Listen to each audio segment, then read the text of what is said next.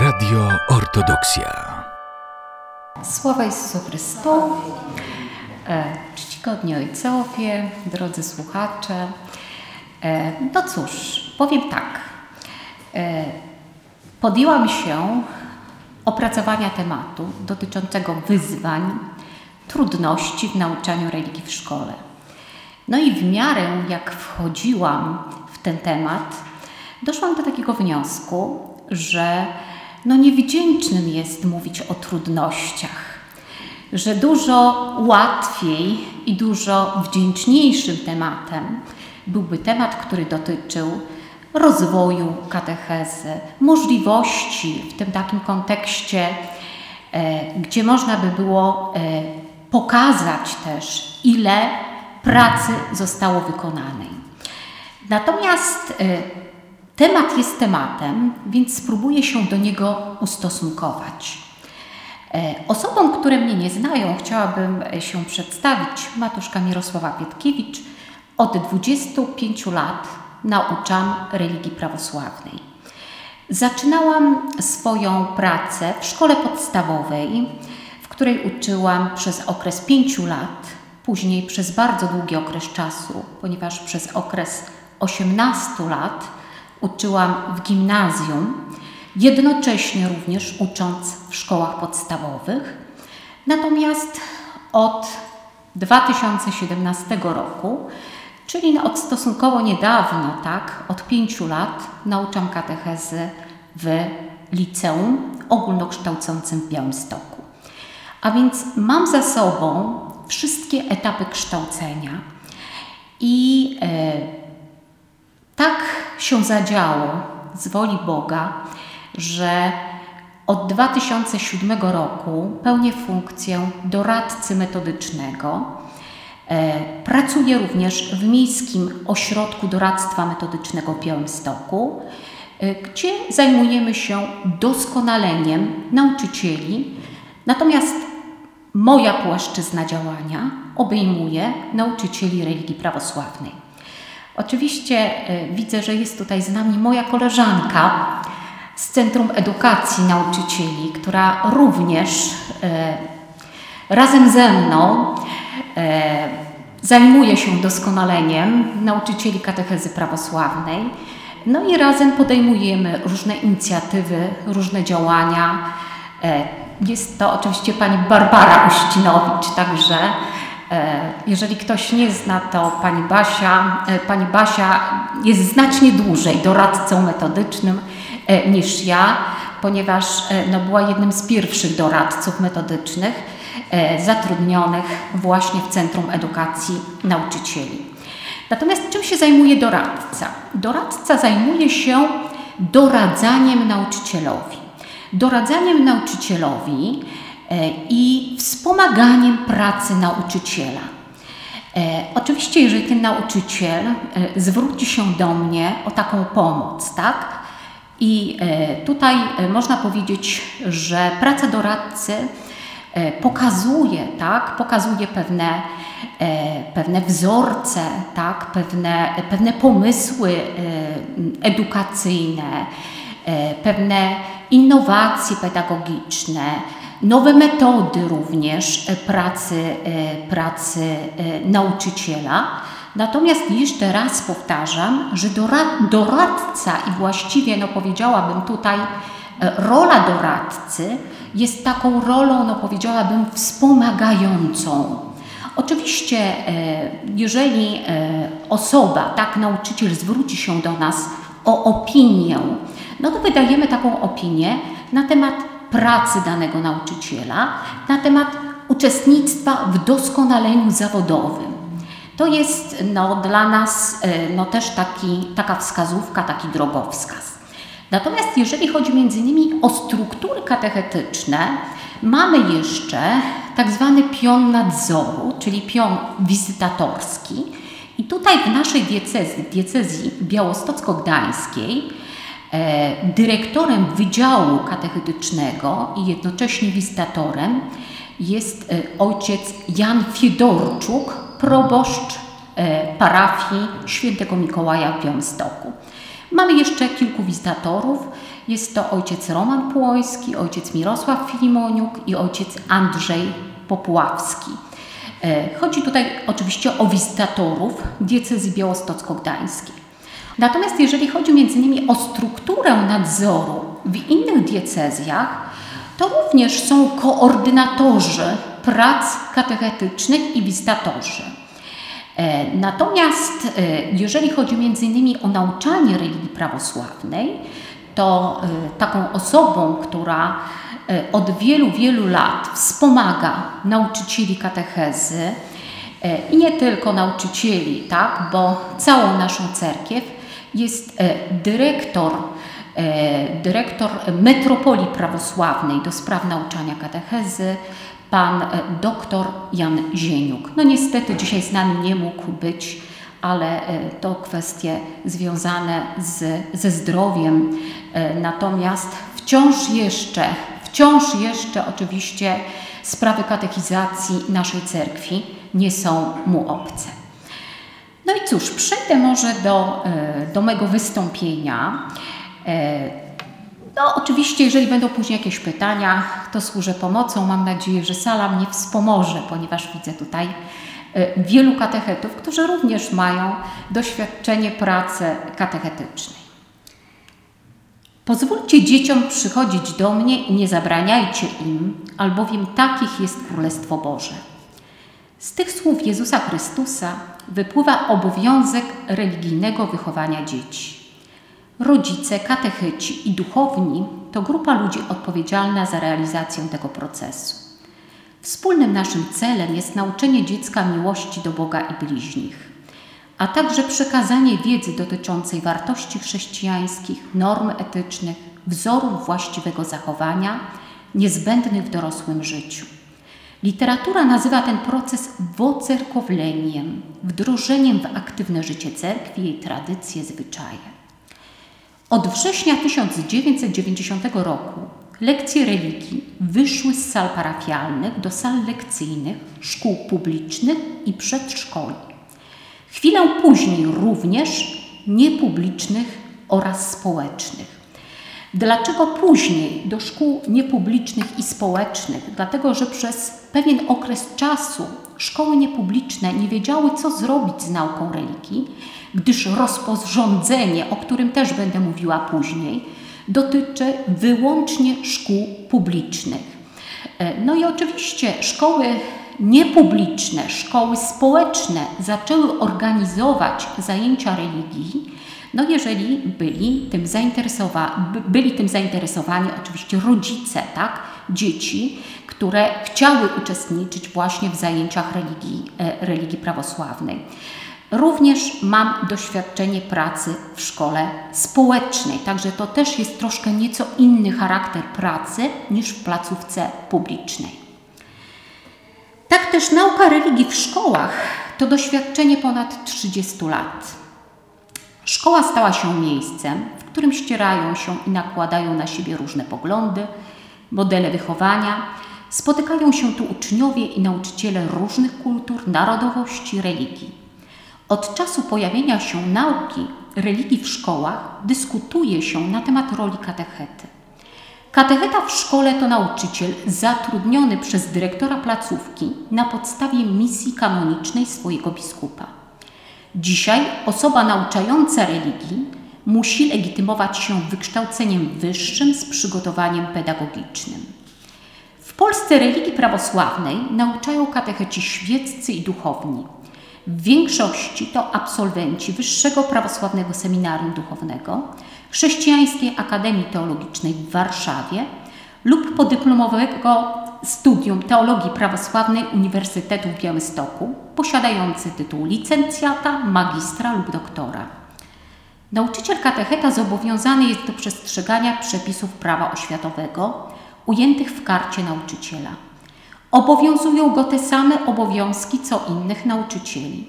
Uczestnictwo w radach pedagogicznych, zebrania z rodzicami, dyżury, przygotowanie i pomoc w organizacji uroczystości szkolnych, praca w zespołach przedmiotowych oraz problemowych, zajęcia opiekuńcze, prowadzenie dokumentacji szkolnej uczestnictwo w doskonaleniu zawodowym. Nauczyciele religii prawosławnej mają obowiązek realizacji podstawy programowej nauczania religii prawosławnej we wszystkich typach szkół i przedszkoli, zatwierdzonej do użytku przez Święty Sobór Biskupów Polskiego Autokefalicznego Kościoła Prawosławnego z dnia 15 listopada 2018 roku.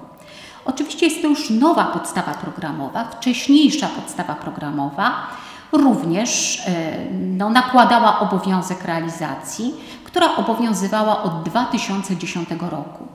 E, oczywiście przepisy prawa są tak skonstruowane, że i treści podstawy programowej, jak również program tworzony jest przez dany kościół, związek wyznaniowy, tutaj oczywiście cerkiew prawosławną. W szkole nauczyciel katecheta sprawdza wiedzę i umiejętności, ale również wychowuje, kształtuje postawy społeczne, naucza miłości do Boga i bliźniego. Nie zapominajmy jednak, że katecheta w budowaniu religijności dziecka nie wyręczy rodziców. Pierwszym środowiskiem oddziaływania na dziecko jest jego dom rodzinny. To najbliżsi, ojciec i matka, wprowadzają młodego człowieka w świat odpowiedzialnego i samodzielnego życia. Oni pierwsi uczą dziecko, co jest dobre, a co złe, jak należy współpracować z ludźmi, aby uzyskać ich życzliwość. Oni ukazują wartości, które należy cenić i osiągać. Rodzina daje pierwsze wzorce życiowe. Z rodzinnego domu wynosi się umiejętność właściwego zachowania się wobec ludzi i problemów. Przejmuje się nawyki i przyzwyczajenia, a także model życia religijnego. Nawyk modlitwy porannej, wieczornej, przed i po posiłku, potrzebę uczestnictwa w nabożeństwach i sakramentach. Błogosławiony Augustyn nauczał, że jeżeli Bóg w naszym życiu jest na pierwszym miejscu, to wszystko inne znajdzie się na właściwym miejscu. Obecnie zmienił się charakter i struktura współczesnej rodziny. Dawniej powszechnie małżonkowie mieszkali razem ze swoimi rodzicami. To dziadkowie dbali szczególnie o rozwój duchowy swoich wnuków. Uczyli modlitw, opowiadali historie biblijne ze Starego i Nowego Testamentu, prowadzili do cerkwi. Dzisiaj zazwyczaj małżonkowie z dziećmi mieszkają oddzielnie. Oboje pracują zawodowo, dzieląc się obowiązkami związanymi z funkcjonowaniem domu i wychowaniem potomstwa. Tempo życia, troska o poprawę statusu materialnego często mają negatywny wpływ na relację domowników. Coraz mniej czasu spędza się wspólnie. Ja oczywiście nawiążę tutaj może do e, mojej, do mego przykładu, tak? E, jeżeli chodzi między innymi o moje wychowanie religijne, mnie do cerkwi prowadzała babcia. I to babcia była osobą, która dbała o to, abym ja, moja siostra, abyśmy się nauczyły modlitw, abyśmy e, uczęszczały na e, chór cerkiewny, e, abyśmy w swoim życiu tak, dawały świadectwo, dawały świadectwo prawosławia. E, no i cóż, no powiem, mm, zapewne e, katecheci, no ja ucząc w szkole społecznej, tak, ponieważ no oczywiście jeżeli chodzi między innymi o e, gimnazjum, to zazwyczaj uczniowie lepiej lub gorzej przychodzili przygotowani, jeżeli chodzi między innymi o znajomość modlitw, ale jeżeli chodzi natomiast o szkołę społeczną, to chciałabym powiedzieć, że ten model, gdy się uczyło modlitwy razem ze swoją babcią, e, no niestety w szkołach społecznych nie miał przełożenia. Wiedziałam, że jeżeli nie, będ, nie będziemy się uczyć i się nie nauczymy na zajęciach modlitwy wierujów w szóstej klasie, to moi uczniowie w szkole społecznej nie nauczą się w domu tej modlitwy. Więc po prostu e, na każdej lekcji tak, powtarzaliśmy kolejny artykuł i e, no, w ten sposób osiągaliśmy, osiągaliśmy to, co kiedyś uczniowie wypracowywali w domu ze swoimi dziadkami, ze swoimi rodzicami. E, też no, chciałabym powiedzieć, że jest też problem związany z językiem, tak? E, mianowicie e, moje pokolenie uczyło się powszechnie języka rosyjskiego i była łatwość, tak, jeżeli chodzi między innymi o przyswajanie modlitw. Chodzi tutaj o kwestie językowe, o kwestie akcentowe w języku. No i też byłam osłuchana tak, tymi modlitwami w cerkwi. Natomiast dzisiaj rzeczywiście jest bardzo trudno. Język cerkiewnosłowiański jest to dla nich no, tak często odbierany jak język obcy. No i oczywiście wierzę, że są bardzo duże trudności z opanowaniem poszczególnych modlitw. Świat dziecka nie toleruje pustki. Ogromne oddziaływanie na wychowanie dzieci i młodzieży mają środki masowego przekazu. Telewizja, internet, świat portali społecznościowych, z których nie zawsze nauczono nas właściwie korzystać. Pseudowolność, moda lansowana przez telewizję, różne komunikatory i portale internetowe rozmywają w nas i naszych dzieciach poczucie dobra, godności, szacunku oraz służebności drugiemu człowiekowi. Żyjemy w świecie, który skupia się na potrzebach jednostki, samozadowoleniu i egocentryzmie. Ważnym staje się moje chcenie i końcowy efekt. Nie zwracamy uwagi na sposób, w jaki go osiągamy. Często działamy, stosując maksymę, że cel uświęca środki, brakuje nam pokory i cierpliwości. To, co zaplanowaliśmy, ma się zadziać tu i teraz. Nie mamy świadomości, jak ważna jest droga człowieka w osiąganiu wyznaczonego celu. Dzieci nas obserwują i naśladują. Niestety proces globalizacji i laicyzacji społeczeństwa stał się również i naszym udziałem. Nauczanie religii w Polsce odbywa się w oparciu o rozporządzenie ministra edukacji narodowej z dnia 14 kwietnia 1992 roku z późniejszymi zmianami w sprawie warunków i sposobu organizowania nauki religii w publicznych przedszkolach i szkołach. Przedszkole i szkoła mają obowiązek zorganizowania lekcji religii dla grupy nie mniejszej niż siedmiu uczniów danej klasy lub oddziału. Dla mniejszej liczby uczniów w klasie lub oddziale lekcje religii w przedszkolu lub szkole powinny być organizowane w grupie międzyoddziałowej lub międzyklasowej.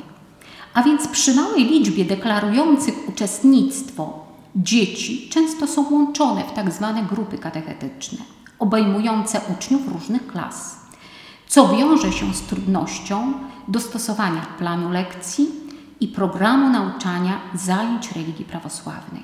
W Polsce, w wielu miastach wojewódzkich, wyłączając Podlasie, katecheza nauczana jest w punktach katechetycznych prowadzonych przez parafię. Lekcje religii stają się obowiązkowe po złożeniu przez rodzica lub pełnoletniego ucznia deklaracji o chęci uczestniczenia w takich zajęciach.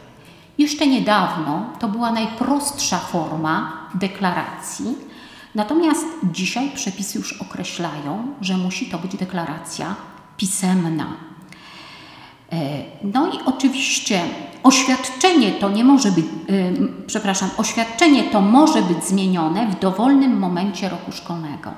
To znaczy, jeżeli uczeń zdecyduje, pełnoletni uczeń, że nie chce uczęszczać na zajęcia religii, yy, i taką deklarację złoży pisemnie, no to oczywiście na zajęcia nie uczestniczy. Oczywiście my jako katecheci e, boli nas utrata ucznia, tym bardziej, że no nasze grupy nie są liczne. Jeden uczeń to często e, no, dla nas e, no, kwestia, kwestia dodatkowych godzin w szkole, tak? utrzymania całej grupy katechetycznej. Więc no jest to, no powiedziałabym, taki dosyć trudny y, proces, który się dzieje, który funkcjonuje. Niestety coraz częściej słyszymy już od rodziców uczniów klas pierwszych szkoły podstawowej, że nie chcą narzucać swojemu dziecku żadnej religii, pozostawiając tę decyzję siedmiolatkowi lub odraczając do czasu, kiedy ich dziecko osiągnie dorosłość. Niestety takie, e, takie rzeczywiście, e, takie zdania i takie, takie postawy się zdarzają. W szkołach ponadpodstawowych, liceach, technikach, branżówkach istnieje niepokojący i wciąż narastający problem rezygnacji z zajęć religii, niezależnie od wyznania. Powodem jest zazwyczaj obciążenie czasowe uczniów związane z przygotowaniem do egzaminu maturalnego, brak czasu na korepetycje, usytuowanie religii jako ostatniej lekcji w ciągu dnia, wygodnictwo lub niezdolność, niezgodność własnego światopoglądu z nauką cerkwi dotyczącą kwestii moralnych, chociażby takich jak wolne związki, homoseksualizm, aborcja. Jak już wcześniej wspomniałam, środki masowego przekazu propagują nową jakość życia z wykluczeniem wartości chrześcijańskich, która trafia na bardzo podatny, nieukształtowany grunt młodego, niedojrzałego emocjonalnie człowieka. Kontekście powyższych argumentów nauczyciel katecheta musi wykazać się dużym wyczuciem, taktem, cierpliwością, pokorą i życzliwością wobec swoich podopiecznych zachowując spokój i zakreślając właściwą granicę uczeń-nauczyciel.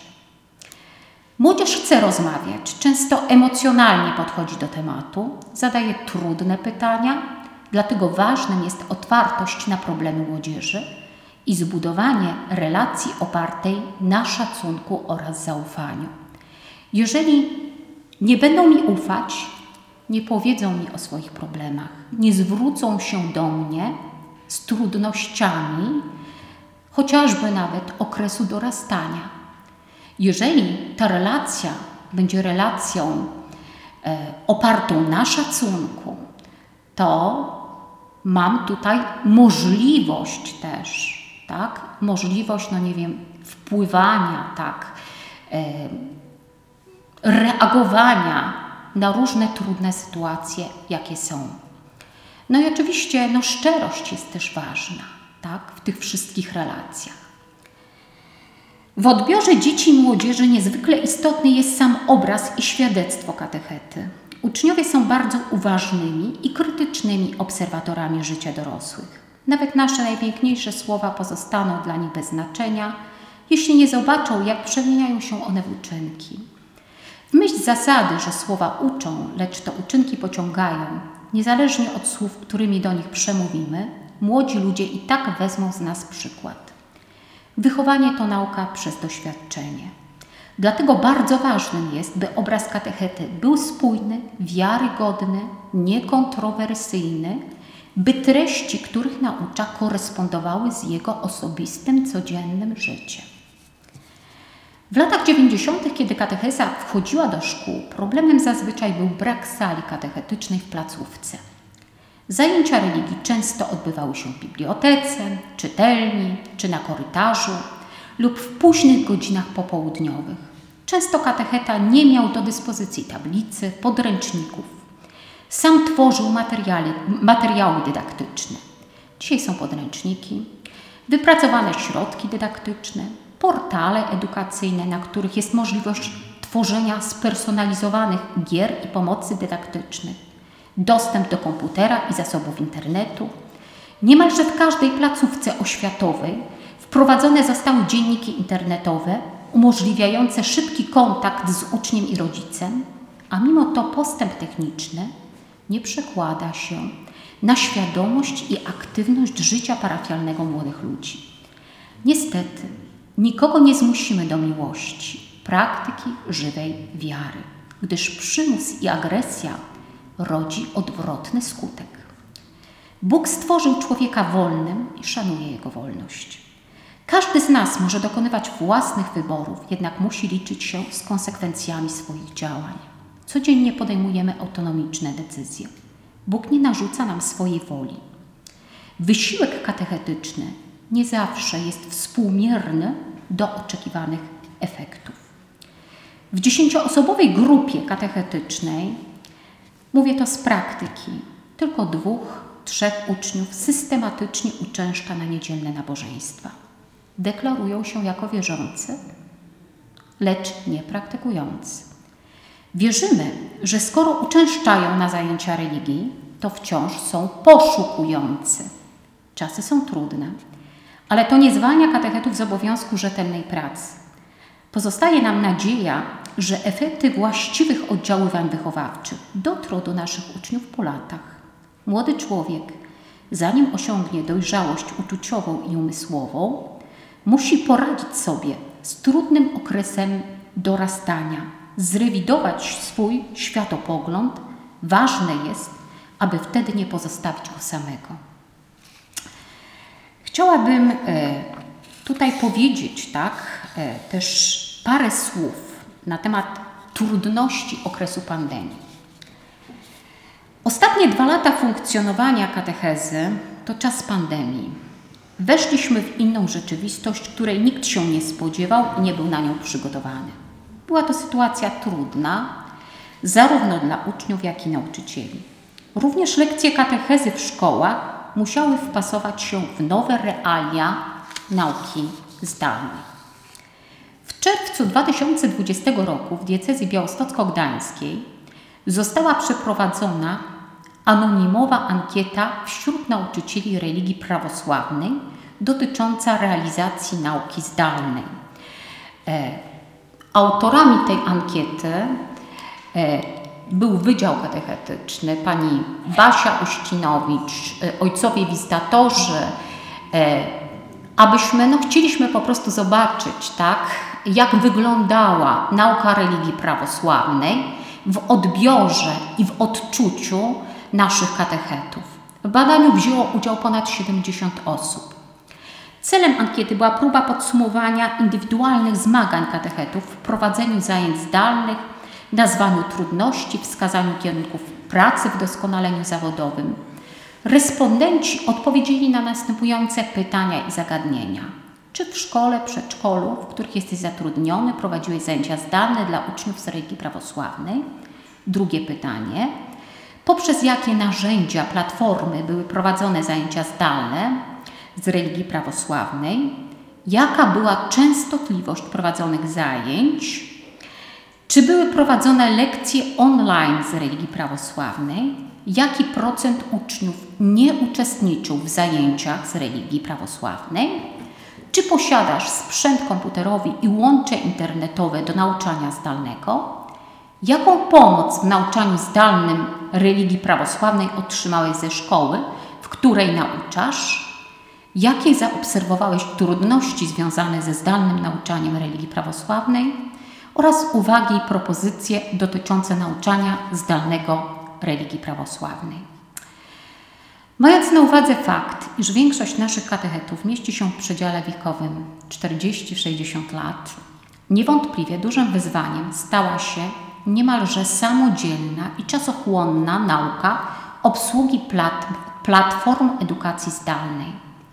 Wśród trudności technicznych wymieniano ograniczoną dostępność i jakość łącza oraz sprzętu komputerowego, na którym można byłoby prowadzić lekcje online, współdzielenie komputera z własnym dzieckiem objętym edukacją zdalną, a także barierę językową w obsłudze i używaniu aplikacji internetowych. Większość opisów niestety w tych aplikacjach i poleceniach funkcjonuje w tak zwanym języku angielskim, którego my no, nie uczyliśmy się w szkole.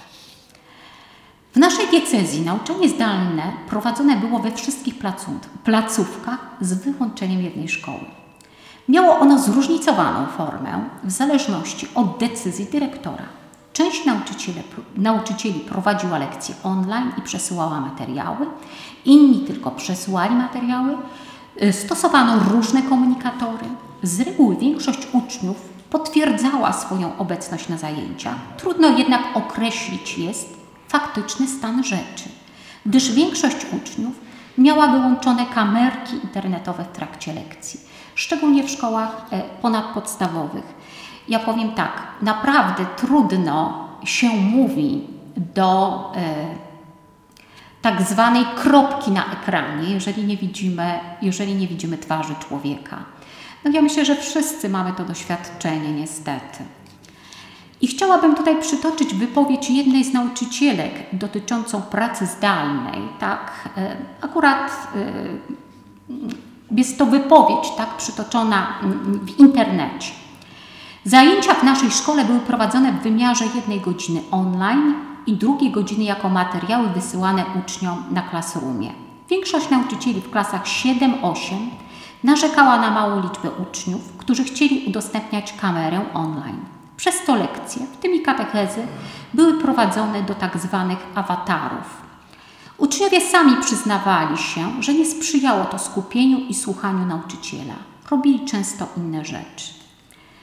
Kolejna wypowiedź. Niewielka grupa uczniów aktywnie angażowała się w nauczanie zdalne, które w moim przypadku było realizowane dwutorowo. Lekcje online dla uczniów mogących w pełni korzystać z internetu i wysyłanie materiałów do pracy samodzielnej ze względu na skrócony czas lekcji online i brak możliwości sprzętowych u niektórych uczniów.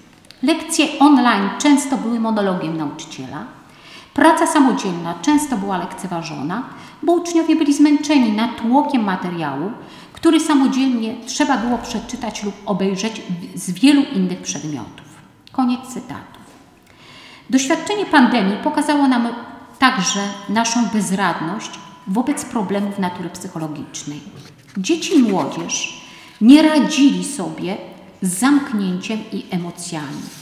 Brak realnego kontaktu z rówieśnikami, długie godziny pracy przed ekranem, ekranem komputera, izolacja towarzyska stały się przyczyną apatii, wielu stanów lękowych, chorób, depresji.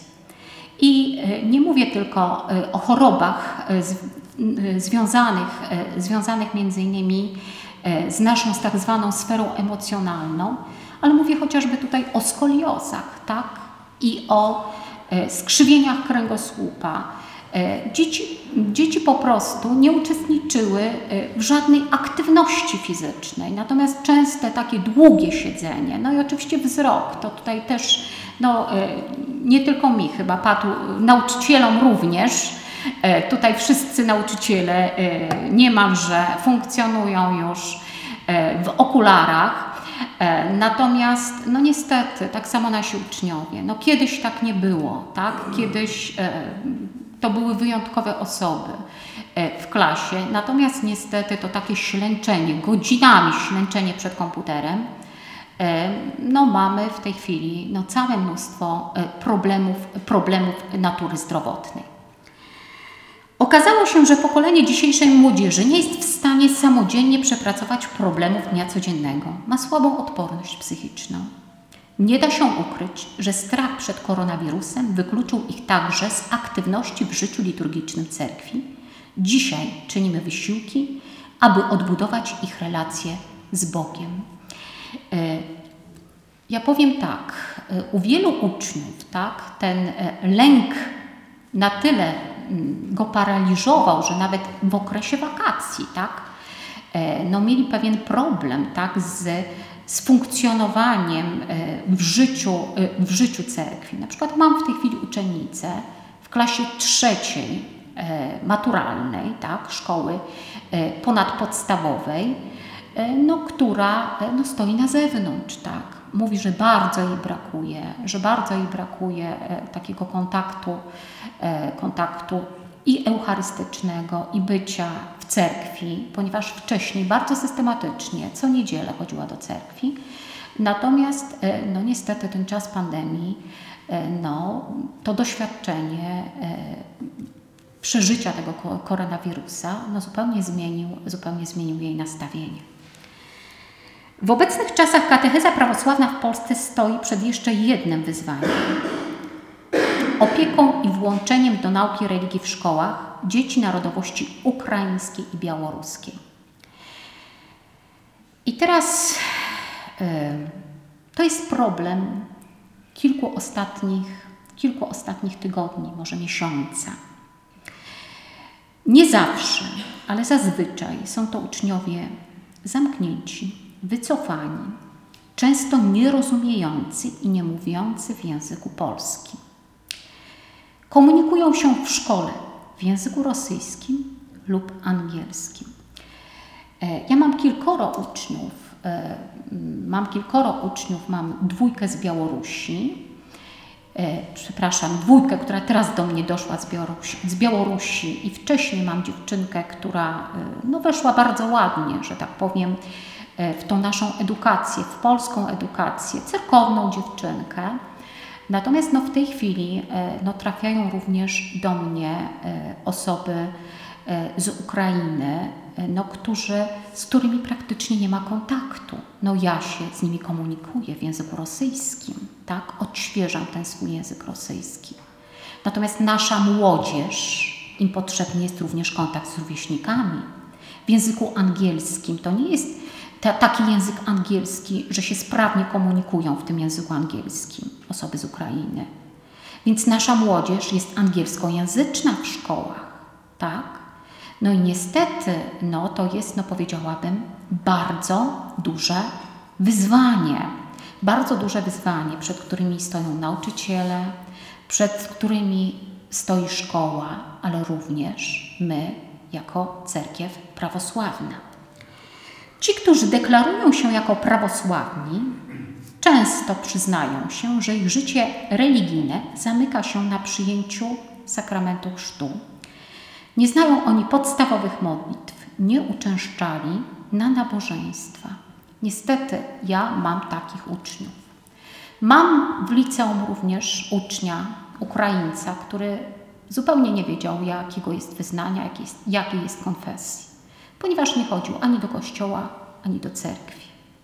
Więc e, no, są to tak zwane czyste, niezapisane karty, E, ostatnio odbyło się tutaj w Centrum Kultury Prawosławnej w lutym spotkanie dotyczące aktywizacji młodzieży e, na gruncie właśnie katechetycznym. I e, no, jedna z katechetek no, tutaj dzieliła się z nami doświadczeniem wielkiego takiego bólu, tak? ponieważ w wielu przypadkach rodzice nie zapisują dzieci właśnie e, z Ukrainy, z Białorusi na lekcje religii prawosławnej, tłumacząc się, że zależy im na szybkim procesie asymilacji z polską społecznością. Bądź też istnieje jeszcze inne tłumaczenie, że oni są tu na chwilę i e, no, nie będą się angażować w jakieś tam inne projekty, które nie są obowiązkowe tak również jeżeli chodzi o nauczanie religii. E, no i to jest problem, moi drodzy. Tak? To jest wielki problem. No i w tym obszarze należy jeszcze wiele uczynić i zapewne w niedalekiej przyszłości nasza cerkiew podejmie wzmożony wysiłek ukierunkowany na edukację i organizację ich życia religijnego w nowej rzeczywistości. I E, przejdę już do końca, tak, do podsumowania. Temat dzisiejszego wystąpienia dotyczył trudności, problemów i wyzwań związanych z nauczaniem religii w szkołach, co nie pokazuje całego spektrum pracy katechetycznej naszej cerkwi. Nie możemy generalizować i patrzeć jednokierunkowo na sprawę, dostrzegając tylko negatywy.